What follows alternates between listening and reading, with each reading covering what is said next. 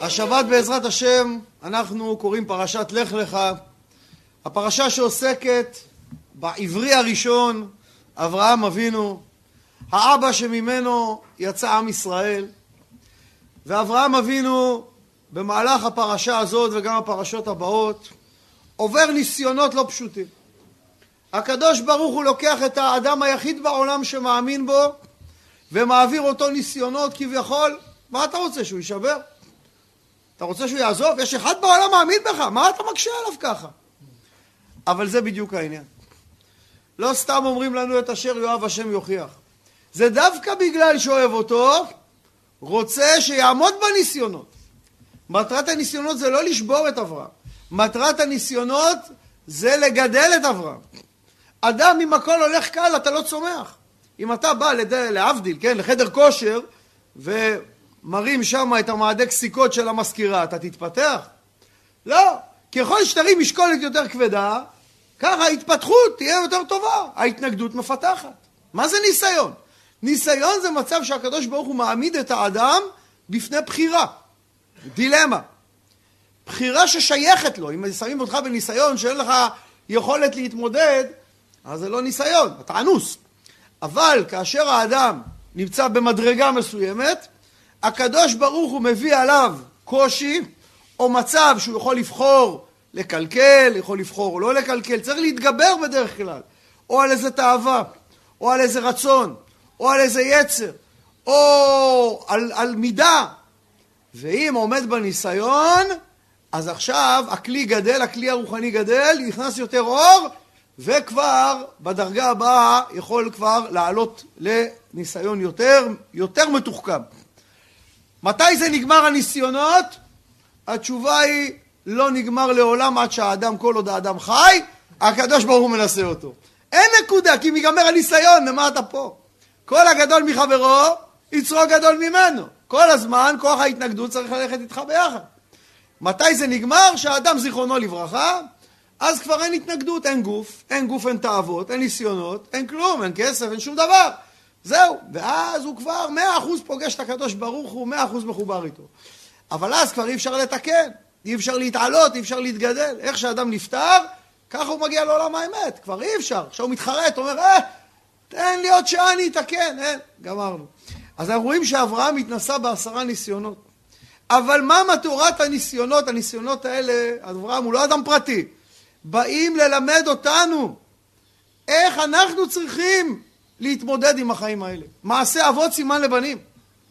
ואנחנו רוצים לראות איך בסופו של דבר כל המסע שעבר אברהם אבינו בעולם הזה, בסופו של דבר זה קשור למסע שלנו, למסע שלנו, האישי שלנו והלאומי שלנו. החל מירידת יעקב ובניו מצרימה ועד לימינו אנו. אז בואו נראה. אנחנו יודעים שאברהם אבינו יצא מחרן, הגיע לארץ ישראל, כתוב והכנעני אז בארץ. מה, מי זה הכנעני ולמה הוא בארץ? הכנענים, אנחנו יודעים, כתוב על כנען, עבד עבדים יהיה לאחיו. והיו פה קודם עמים אחרים. למה הכנענים קיבלו את הארץ הזאת? כנענים זה מהמילה כנועים ליצרם הרע. מידות שלהם רעות. אבל הם פה כי רכוש העבד זה רכוש אדוניו. שיצאו בני ישראל ממצרים, שלא יצא מצב שישבו פה עמים שלא יהיה לעם ישראל זכות לקבל את הארץ. אז אם הכנענים מחזיקים פה והכנענים הם עבדים, אז רכוש העבד רכוש אדוניו, יש לנו זכות לקחת מהם את הארץ. עכשיו מה קורה עם אברהם ובואו נראה את המסע ואת ההגבלה. כתוב ויהי רעב בארץ וירד אברהם מצרימה לגור שם כי כבד הרעב בארץ. ואנחנו רואים שאברהם כבר סולל את הדרך ליעקב ולבניו לרדת מצרימה. כי עם ישראל חייב לרדת למצרים, לכור הברזל. ללא הירידה למצרים אי אפשר לצאת משם ואי אפשר לקבל תורה. ברזל זה זיכוך, זה ראשי התיבות של ברזל, בלהה, רחל, זלפה, לאה, כל האימהות שצריך, הם באו מלבן, צריך לזכך את הדבר הזה. אז אם ככה, מה קורה? בואו נראה. אברהם, למה הוא יורד מצרימה? ויהי רעב בארץ, וירב את אברהם מצרימה לגור שם, כי כבד הרעב בארץ. היה רעב, מסכן איזה ניסיון, עוד מעט נדבר. הוא אמר לו, לך לך, אני אעשה לך טוב, נכון, אגדלה שמך, יהיה ברכה, איך שהוא מגיע לפה, בום רעב. מה זה רעב? אין לך כלום, אתה מוכר את הכל, מוכר את הכבשים, מוכר, מוכר, מוכר, מוכר, עד שכבר אין לך מה למכור. אז למה יורדים למצרים ברעב? כי מצרים, שם אין רעב. בארץ אנחנו תלויים בגשם, אין גשם, יש רעב. שם יש הנילוס, הוא מציף כמה פעמים בשנה, כל הזמן יש אוכל. למה יעקב ובניו יורדים מצרימה? אותו דבר, ויאמרו אל פרעה לגור בארץ בנו, כי אין מרעה לצאן אשר לעבדיך, כי כבד הרעב בארץ כנען. זאת אומרת, גם בני ישראל יורדים למצרים בגלל הרעב. בואו נראה מה קורה במצרים. קודם כל, הם לא יורדים מצרים, הם יורדים מצרים מה? מה ההבדל? מצרים זה עם אם סגורה בסוף. שם מי שנכנס לא יכול לצאת. מצרים מה זה ה', זה אות פתוחה. להראות לך שהוא סולל את הדרך, שמי שיורד יכול גם לצאת. כי אומרים שעבד מעולם לא ברח ממצרים. ואם אברהם לא היה יורד למצרים, עושה, תכף נראה מה שעושה שם ויוצא, בני ישראל לא היו יכולים לעולם לצאת משם. סולל להם את הדרך. מה קורה? איך שאברהם מגיע, מה קורה? את מי לוקחים לו? את, את שרה, נכון? ותוכח האישה בית פרעה. פרעה משעבד את, את שרה אליו. מה קורה לבני ישראל? ויעבידו מצרים בני ישראל בפרך. גם בני ישראל משתעבדים לפרעה. זאת אומרת, כבר אנחנו רואים הגבלה גם בעניין הזה. למה פרעה משחרר את שרה? וינגע השם את פרעה נגעים גדולים ואת ביתו. חוטף מכות, משחרר את שרה. ואז מה? אומר לאברהם, והנה אתה, הנה אשתך, קח ולך. וישל... וישלחו אותו ואת אשתו ואת כל אשר לו. זאת אומרת, פרעה, הוא לא רוצה לשחרר את שרה. אבל חוטף מכות, משחרר אותה, נכון? מה קורה עם בני ישראל? אותו סיפור. ויאמר השם אל משה, עוד נגע אחד אביא על פרעה במצרים, ואחרי כן ישלח אתכם מזה כשלחו כלה. גרש יגרש אתכם מזה. גם פרעה משבת את בני ישראל, חוטף מכות, ואז מה? ויאמר קומו צאו מתוך עמי, גם אתם וגם בני ישראל. זאת אומרת, מה? אנחנו רואים אותו תסריט בדיוק. חוטף מכות, נשבר ומשחרר אותם. אבל אנחנו מבינים שבני ישראל לא יצאו ממצרים בחינם, נכון? איך הם יצאו ממצרים? איך? מאיפה? כי גם אברהם יצא ברכוש גדול. ולאברהם היטיב בעבורה. נתן לפרעה, הפרעה לאברהם, הרבה כסף, זהב, רכוש, פחות, למה? שייקח שלא יהיה בעיות. והיה על אברהם ממצרים, וכתוב אחרי זה, ואברהם כבד מאוד במקנה בכסף ובזהב. למה הוא לוקח כסף וזהב מפרעה? תכף נראה שממלך אדום הוא לא רוצה לקחת, לא מחוט ולא אסרוך נעל. שלא יגיד אני השארתי את אברהם. אז איך מפרעה הוא לוקח? כי אם הוא לא היה לוקח מפרעה, בני ישראל לא היו יכולים לקחת מפרעה. הוא צריך לסלול להם את המסלול. מעשה אבות סימן לבנים. ובני ישראל, וישאלו ממצרים כלי כסף וכלי זהב ושמלות, וינצלו את מצרים. אותו מסע בדיוק, אחד לאחד. עוד לא גמרנו, זה ממשיך. מה קורה איך אברהם? אברהם יוצא ממצרים, הוא לא לבד. יש לו מה שנקרא קבוצת ביקורת. איזה גורם שלילי שנדבק אליו, כדי להקשות עליו, משקולת על הרגל. וגם ללוט ההולכת אברהם היה צאן ובקר ואוהלים. לוט, שתכף נראה גם בהמשך הפרשה הם נפרדים, הוא נצמד לאברהם. מה שנקרא, הרועים שלו מנסים להכשיל את הרועים של אברהם בגזל. מה עם בני ישראל? מי נדבק אליהם? וגם ערב רב עלה איתם, וצאן ובקר מקנה כבד מאוד. ערב רב זה גויים שהחליטו להידבק בעם ישראל, כי ראו את ההצלחה של משה. אז הם עולים, עכשיו מה הערב רב הזה עשו הרבה בעיות, נכון? הם ניסו להכשיל את עם ישראל בעגל. אלה בגזל ואלה בעגל. זאת אומרת, אנחנו רואים, למה צריך את הגורם השלילי? שמה צריך את זה? אמרנו, אם הכל קל לניסיון.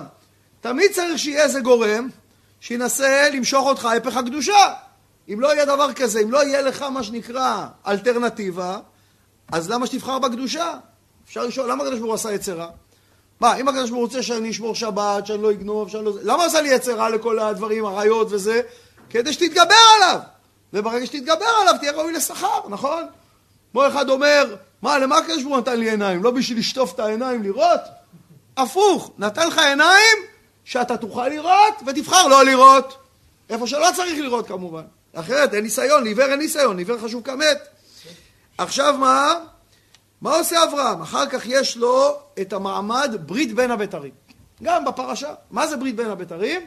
קדוש ברוך הוא מפיל תרדמה על, על אברהם ומראה לו מחזה, אני עוד מעט אולי אם יהיה זמן להיכנס להכל, יש שם, חוצים את הבהמות והקדוש ברוך הוא עובר באמצע בצורה מעניינת. בואו נקרא. ויקח לו את כל אלה ויוותר אותם בטבח וייתן איש ביתרו לקראת רעהו. זאת אומרת, אברהם לוקח בהמה. למה הברית? חוצים בהמה, שמים בשני הצדדים, וכורתי הברית עוברים באמצע. מה מונח? ככה היו עושים ברית בעולם העתיק. מה מונח בדבר המוזר הזה? זה לא דבר כזה מוזר, זה דבר סמלי מאוד חשוב. בהמה יצור אחד. כואב לזנב, כואב לראש, כואב לאוזן, כואב לזנב. זה יצור אחד. מה הם עושים? חותכים את הבהמה לשתיים, ועוברים באמצע להגיד מה? אנחנו עכשיו כמו יצור אחד. אם יתקפו אותי, כואב לך, אתה בא להגן עליי. ואם תוקפים אותך, כואב לי, אני בא להגן עליך. כביכול, וכורתי הברית שעוברים בין שני חלקי הבהמה, משלימים את ה... סוגרים כאילו את הבהמה חזרה ליצור אחד. זה הרעיון. העניין הרעיוני מאחורי העניין הזה של לעבור בין. שני חלקי בהמה. הקדוש ברוך אומר לאברהם בוא נעשה את הדבר הזה, והוא עובר איתו באמצע, אברהם אומנם בתרדמה, הוא, הוא רואה את זה בחיזיון. אז מה, אנחנו רואים הם עוברים, יש חצי בהמה מצד זה, חצי בהמה מצד זה, ועוברים באמצע. איך בני ישראל יוצאים ממצרים? ויבואו בני ישראל בתוך הים ביבשה, והמים להם חומה מימינם ומשמאלם. עוד פעם, קיר מים מזה, קיר מים מזה, ועוברים באמצע. ככה הם יוצאים החוצה. עם ישראל שנכנס לים זה לא עם ישראל שיצא מהים, זה כבר עם אחר. הוא נולד, הוא עבר את הניסיון של קפיצה לים. זה כבר עם אחר, זה הברית. אם ככה, אנחנו רואים שיש לנו פה גם רמז גדול. מה זה מים? מים אמרנו זה שפע. בני המבול, שלא ידעו לצרוך את השפע נכון, לא שמו גבולות, כמו נוח שעשה גבולות, תיבה, הם, השפע כילה אותם, טבעו.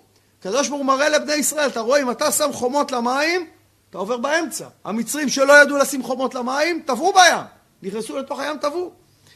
עכשיו מה? אנחנו רואים ש... איך, איך הקדוש ברוך הוא עובר? כתוב, והנה תנור עשן ולפיד אש אשר עבר בין הגזרים האלה. ככה הקדוש ברוך הוא עובר בברית בין הבתרים בתנור עשן ולפיד אש. איך הקדוש ברוך הוא מוליך את בני ישראל במדבר והשם הולך לפניהם יומם בעמוד ענן לנחותם הדרך ולילה בעמוד אש להאיר להם ללכת יומם ולילה. זאת אומרת אנחנו רואים ממש הגבלה בין מה שקורה לאברהם מה שקורה לבני ישראל גם מעמד הר סיני גם יש אש ועשן אותו דבר זאת אומרת ממש הגבלה שלמה והנה יש גם את העניין של ברית המילה. ויקח אברהם את ישמעאל בנו ואת ילידי ביתו ואת כל מקנת כספו, כל זכר אנשי בית אברהם, וימו לבשר עורלתם. עושה ברית מילה. מה עם בני ישראל? אז בני ישראל פעמיים עושים ברית מילה, נכון? כמו אברהם. פעם אחת ביציאה ממצרים, ואומר לך בדמי חיי, ואומר לך בדמי חיי. זה ברית המילה והברית של קורבן הפסח. אבל מה קורה במדבר סיני 40 שנה? הם לא עושים ברית מילה. ארבעים שנה חוץ ממשפחת לוי לא עושים ברית מילה. מתי עושים את הברית מילה? יהושע, בכניסה לארץ ישראל. בואו נקריא לכם. ויעש לו יהושע חרבות צורים, וימול את בני ישראל אל גבעת ההרעלות, כל העם היוצאים וכל העם הילודים במדבר בדרך בצאתם ממצרים. זאת אומרת, פה נסגר המעגל. פה נסגר המעגל. ואז, אתם זוכרים, המעגל שמתחיל בירידת אברהם אבינו למצרים בגלל הרעב, נסגר פה. איך אני יודע שפה נסגר המעגל? כי אומר הקדוש ברוך הוא, יהושע פרק ה' ויאמר השם אל יהושע, היום גלותי את חרפת מצרים מעליכם. זאת אומרת, כל המסע הזה וכל הירידה לקליפה כדי להזדכך ולעלות, הקליפה הזאת מוסרת רק כשיהושע עושה להם ברית מילה, כמו אברהם אבינו, בכניסה מארץ ישראל. אנחנו רואים עוד דבר מעניין. בכל פעם שאברהם עומד בניסיון, הוא מקבל התגלות חדשה מהקדוש ברוך הוא. כל פעם זה בדרגה אחרת. כל פעם. לפני שהוא יורה, הוא מגיע לארץ ישראל, אה, עמדת בניסיון, התגלות. חוזר ממצרים, התגלות. נפרד מלוד, זה כל פעם שהוא עושה מהלך ויוצא מעצמו, הוא מקבל התגלות בדרגה יותר גבוהה. זה המסע שלנו, תדעו לכם, יהודי בעולם הזה, שעומד בניסיונות, מקבל התגלויות. מקבל התגלויות. אני יכול להעיד על עצמי, איך שבכל שלב בחיים שלי שהתקדמתי במהלך התשובה, קיבלתי מה שנקרא תובנות יותר טובות. קיבלתי מסרים יותר טובים, מהחיים, הכל מהחיים, לא ראיתי מלאכים או חיזיון, הכל, קדוש ברוך הוא, רבים שלוחים למקום, שולח לך מסרים, אתה יכול לשמוע פתאום שיעור תורה לקבל מסר, לפתוח איזה ספר, בדיוק מה שרצית לדעת, שם כתוב, הרבה מאוד דרכים ומסרים שהקדוש ברוך הוא שולח אליך. מה הניסיון שאברהם חווה? אברהם חווה שני סוגי ניסיונות בשלב הזה. יש לנו מה שנקרא ניסיון העוני, ויש לנו ניסיון העושר. מה ההבדל בין ניסיון העוני לניסיון העושר? ניסיון העוני זה ניסיון שאתה בחסר גדול מאוד. זה לא חייב להיות כסף. זה יכול להיות בכל תחום. יכול להיות אדם לא מתחתן, זה ניסיון העוני, אין לו עכשיו אישה, הוא בחסר. יכול להיות אדם חס ושלום חולה, יש לו חסר בבריאות. יכול להיות אדם, כל דבר שאתה בחסר, זה ניסיון העוני. מה מטרת ניסיון העוני? המטרה לראות את האמונה שלך. שאף על פי שעכשיו אתה לא במיטבך, מה שנקרא, אתה לא מושלם, חסר לך משהו, עדיין אתה תאמין שהכל לטובה. עדיין אתה תברך על, ה, על ה, מה שנקרא, על הרעה, כמו שאתה חושב שזה רעה, כשם שמברכים על הטובה. ואתה תגיד תודה לקדוש ברוך הוא, לא, טוב, תודה, הקדוש ברוך הוא, אני יודע, זה יצא לטובה. לא ככה. הקדוש ברוך הוא, תודה רבה. אומרים אדם חייב לברך על הרע כשם שמברך על הטובה, זה אם עכשיו הפסדת מאה אלף שקל, אתה צריך לברך כאילו עכשיו הרווחת מאה אלף שקל. באותה התלהבות. אתם יודעים מה זה אומר? זה דרגה, זה לא ככה ביום אחד. אז אברהם מגיע לארץ ישראל, ניסיון העוני, תכף נראה יש לו גם ניסיון העושר. ניסיון העושר זה שיש לך הרבה רכוש, הרבה כסף, הרבה הרבה הרבה, עכשיו בוא נראה מה תעשה. אתה עכשיו, מה שנקרא, תפנק את עצמך עם מרצדסים ועניינים ורק אתה זה, או שאתה תתחיל גם לדאוג לאחרים. תדאג, יש לך כסף, יותר ממה שאתה צריך לחיות? מה קרה? אל תעשה וי, טוב, נתתי עשרה אחוז, יפה מאוד. יש לך שלוש מאות מיליון דולר, נתת עשרה אחוז, זה יפה, אבל מה... מה עם השאר? הכל בסדר? מה, מה קרה? מה, כמה אתה צריך? על כמה מיטות אתה יושן בלילה? הילדים והנכדים. יש כאלה חושבים, הם משביעים לכל חי רצון. נכון? בסדר גמור. אז בואו נראה מה קורה. אברהם מגיע לארץ, ויהי רעב בארץ. איך שהוא מגיע, הקדוש ברוך הוא הבטיח לו כל טוב. בום, רעב. לכאורה, היה צריך להגיד, סליחה, הקדוש ברוך הוא, אני עשיתי לך לך, עמדתי בחלק שלי בעסקה, לא שאלתי שאלות, הגעתי לארץ אשר הרקע, מה עכשיו רעב פה? ציפיתי שיהיה לי פה שפע. אברהם לא מצייץ. רעב, רעב, זה רצון השם, ברוך השם. מה שנקרא, וירד אברהם מצרימה. אם ככה, אני אלך למצרים. לגור שם, כי כבד הרב בארץ. לא מתלונן, לא שואל. מה שנקרא, כמה זמן הוא היה במצרים? יש אומרים לילה אחד, יש אומרים שלושה חודשים. איך שלא יהיה, אמרנו, היה צריך ללכת. עכשיו, לא רק היה צריך ללכת. המדרש מספר שבדרך, צריך לישון בבתי מלון, לא היה לו כסף. היה צריך בהקפה לישון בכל מיני אכסניות כאלה, כי לא היה לו כסף לשלם על האכסניות. תראו איזה מצב אברהם הגיע. יצא מחרן, היה מסודר. לכאורה שאלה, לא, אברהם הוא מה שנקרא, הוא מקבל בהכנעה, אבל צריך להבין, אברהם זה לא יסמן. שלאברהם משהו מפריע עם, ה... עם הצדיקים בסדום, הוא יודע להתווכח עם הקדוש ברוך הוא, אנחנו יודעים את זה. אתה רואה שאברהם מבחירה, כל עוד זה נוגע לו, הוא לא מצייץ. קח נא את בנך, את יחיד... לא מצייץ! כשזה נוגע לאחרים, שם הוא, יש לו טרוניות, הוא יכול לציית, מה שנקרא, להילחם עם הקדוש ברוך הוא. בכל מקרה, מה המציאות, מה, מה הניסיון של הרב? הרעב מכריח את האדם להיות חומרי. אתה רעב, אתה צריך אוכל. אתה אומר, לא, אני רוצה כל היום לשבת, ללמוד תורה, לעסוק בחסדים, אבל אין לך אוכל לילדים. אז אתה חייב ללכת לעבוד, פרנסה, פרנוסה, אין לך ברירה. הרעב מכריח אותך לרדת לדרגת הגוף, דרגת החומר. מה זה רעב? אתה מרגיש את הגוף, כואב לך, אתה רעב. אין לך ברירה, אתה חייב להתמודד עם העולם. וזה מצב שאתה צריך, מה שנקרא, לא ליפול להיות איש אדמה. למרות שאתה עכשיו עסוק בחומריות, לזכור שהעבודה היא חיינו אבל לא בשבילנו. אתה עוסק בחומריות כי אין לך ברירה, אבל בכל דרכיך דאהו, אפילו בעניין הזה אתה צריך להיות דבוק בשם. אם ככה מה? אברהם יורד למצרים, ומה קורה במצרים? הוא יורד לדרגה נמוכה. איך אנחנו יודעים? כי אנחנו רואים שהוא מתקרב למצרים, פתאום קורה דבר מעניין מאוד. מה כתוב ויהי? ויהי זה לשון צער. כאשר הקריב לבוא מצרימה, ויאמר אל שרי, אשתו, הננה ידעתי כי אישה יפת מראה. כמה זמן הם נשואים? יומיים? שנים כבר נשואים. עכשיו שמת לב פעם ראשונה שהיא יפה, מה קרה? אז בפשט הוא מתכוון שבמצרים יש הכושים. הם אנשים קטנים, שחורים ומכוערים, ולא רגילים לראות כזאת אישה יפה. אז הוא אומר, עד עכשיו היופי שלך לא היה, לא היווה בעיה, אבל עכשיו יהיה בעיה עם היופי שלך, הם לא... לך תדע מה יעשו שם. אבל בעומק, עד היום הוא לא הסתכל על היופי החיצוני שלה בכלל. הוא ראה אותה רק בפנימיות.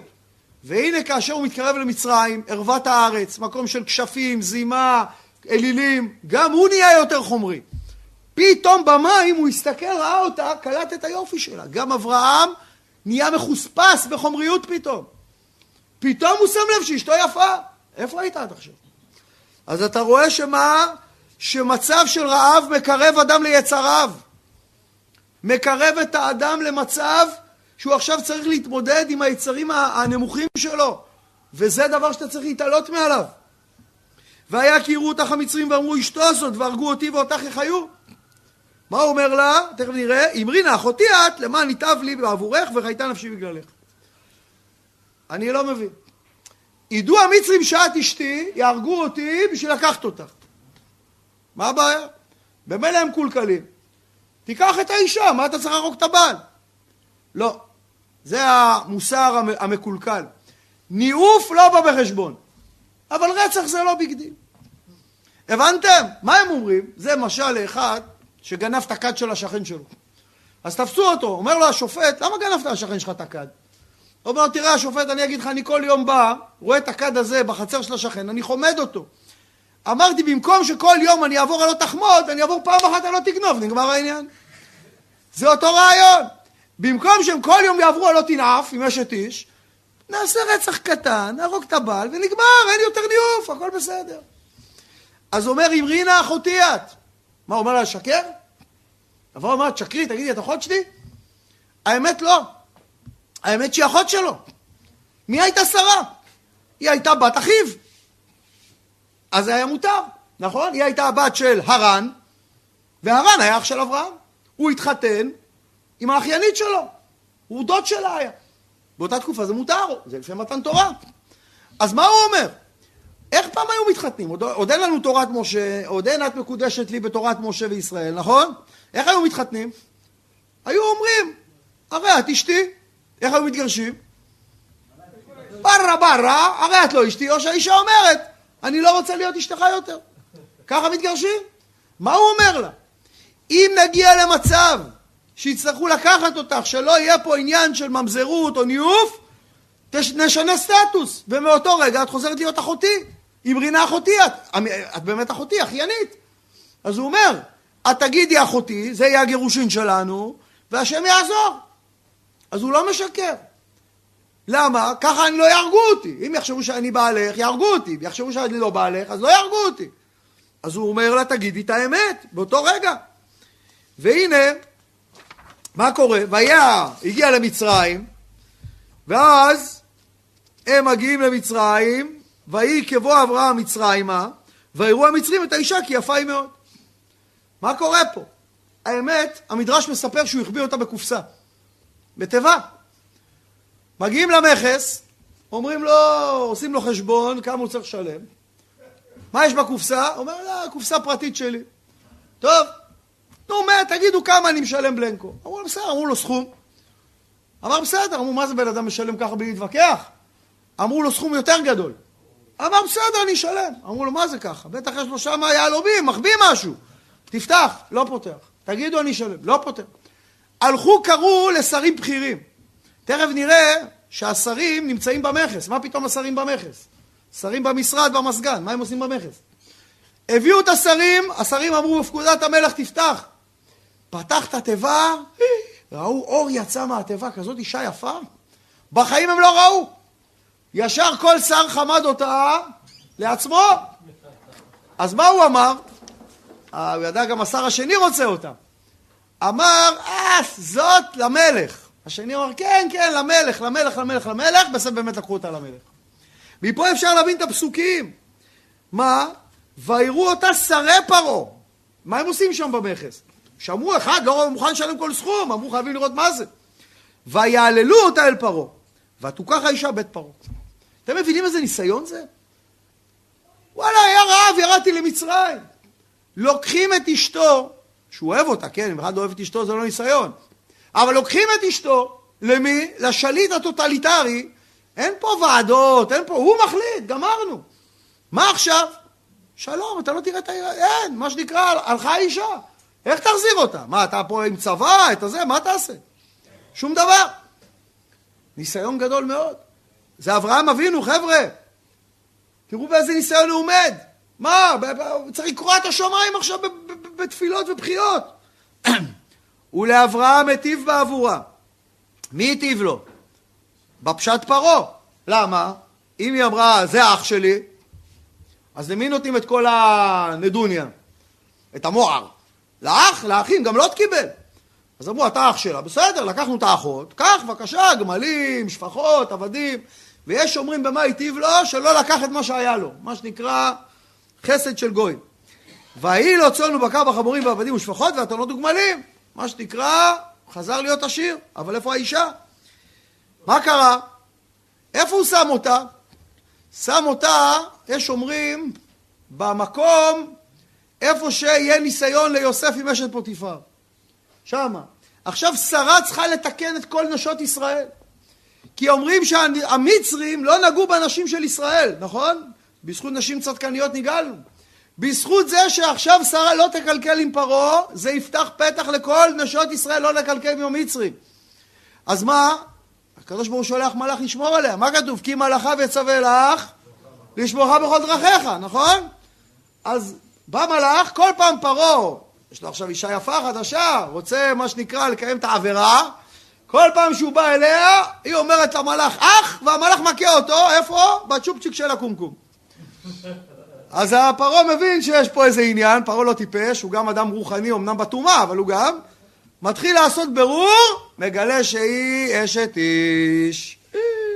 וינגע השם את פרעה נגעים גדולים ואת ביתו על דבר שרה אשת אברהם. ויקרא פרעה לאברהם ויאמר מה זאת עשית לי? מה צריך להיות? תשימו לב כמה פעמים המילה לי מופיעה בפסוק. מה זאת עשית? לי. למה לא הגעת? לי. כי אשתך היא, למה אמרת אחותי ויקח אותה לי לאישה, ואתה הנה אשתך, קח ולך. אומר לו פרעה, מילא לשרים שלי לא אמרת שאשתך אני מבין, היו הורגים אותך. אבל אני המלך, למה לי לא אמרת? כאילו הוא לא היה הורג אותו. אני, אני, אני. מה זה פרעה? פרעה זה הכל אני. איך הוא אומר במכות, נכון? אומר, השם, אה, איך הוא אומר זה? אני, השם ואני, הצ... אה, אה, לא. אני ועמי הרשעים. לא. השם הצדיק ואני ועמי הרשעים, נכון? מה הוא אומר? השם הצדיק ואני ועמי הרשעים. הבנתם? זה אותו פרה, זה אותו דבר. אם ככה, מה, מה עכשיו? נגמר הניסיון הזה, אברהם עמד בכבוד, עכשיו קיבל, כן, הוא לא יעז לבקש חזרת הגמלים ואת השפחות, הוא לא רוצה להתעסק עם אברהם. זה לא כמו אבימלך שגם ייקח אותה, אומר בוא תשב אצלי בזה. מה עושה פרעה? משחרר אותו. ויעל אברהם ממצרים הוא ואשתו וכל אשר לו ולא עמו הנגבה, ועכשיו משפט מאוד מעניין. ואברהם כבד מאוד במקנה בכסף ובזהב. מה זה כבד? מה היה קשה לסחוב? לגמל היה קשה לסחוב את הזהב? מה קרה? כבד הכוונה שהחומר מכביד על האדם הרוחני. שאתה יש לך חומר אתה כבד. לא סתם אומרים, זה כבד זה. מה אתה כבד? הוא עכשיו בן אדם, יש לו סניפים בכל העולם. אתה אומר לו, בוא לשחרית. איזה שחרית? על הבוקר יש לי טלפונים עם, עם ארצות הברית. בוא למנחה. מה מנחה? עכשיו אירופה נפתחו כל הסניפים. טוב, בוא לערבית. עכשיו אוסטרליה, אני, יש לי שיחות. החומר לא נותן לך לעבוד את השם. כמו שהרעב מכריח אותך לעבוד, אז עודף כסף מכריח אותך לנהל את הכסף. אתה אומר, מה, אם היום אני לא אטפל בזה, מחר הבורסה קורסת, אני צריך למכור את המניות, אז אין לך זמן. אברהם כבד. החומר מכביד על האדם הרוחני. אנחנו נסיים בדבר שנקרא עקרון ההכבדה, ובזה נבין מה הבעיה בחומר. הטווס יש לו זנב גדול. למה יש לו זנב גדול? הוא מראה לטווסה, בואי אליי, תראי איזה זנב גדול. מה אכפת לטווסה שיש לו זנב גדול? מה הוא מראה לטווסה? אומר לה, תראי, אני טווס, אוהבים לטרוף אותי, שועלים, נימיות, אוהבים לאכול אותי. אם יש לי זנב גדול, אני יותר זריז או יותר איטי? יותר איטי לכאורה. למרות שיש לי כזה זנב גדול, כבד לי, אני עדיין חי, הנה. אז אני טווס טוב, תקחי אותי. זה עיקרון ההכבדה. אדם שיש לו הרבה כסף, ואף על פי כן מצליח לעבוד את השם קלה כחמורה, זה אדם שעומד בניסיון העושר, מה שנקרא. אברהם בשלב הזה, ובזה אנחנו מסיימים, עמד בניסיון העוני, עומד בניסיון העושר, ובעזרת השם עומד גם בכל הניסיונות, פרשות הבאות נראה את הניסיונות הבאים, ובעזרת השם שגם אנחנו נעמוד ונזכה ביד משיח צדקנו במהרה בימינו אמן ואמן.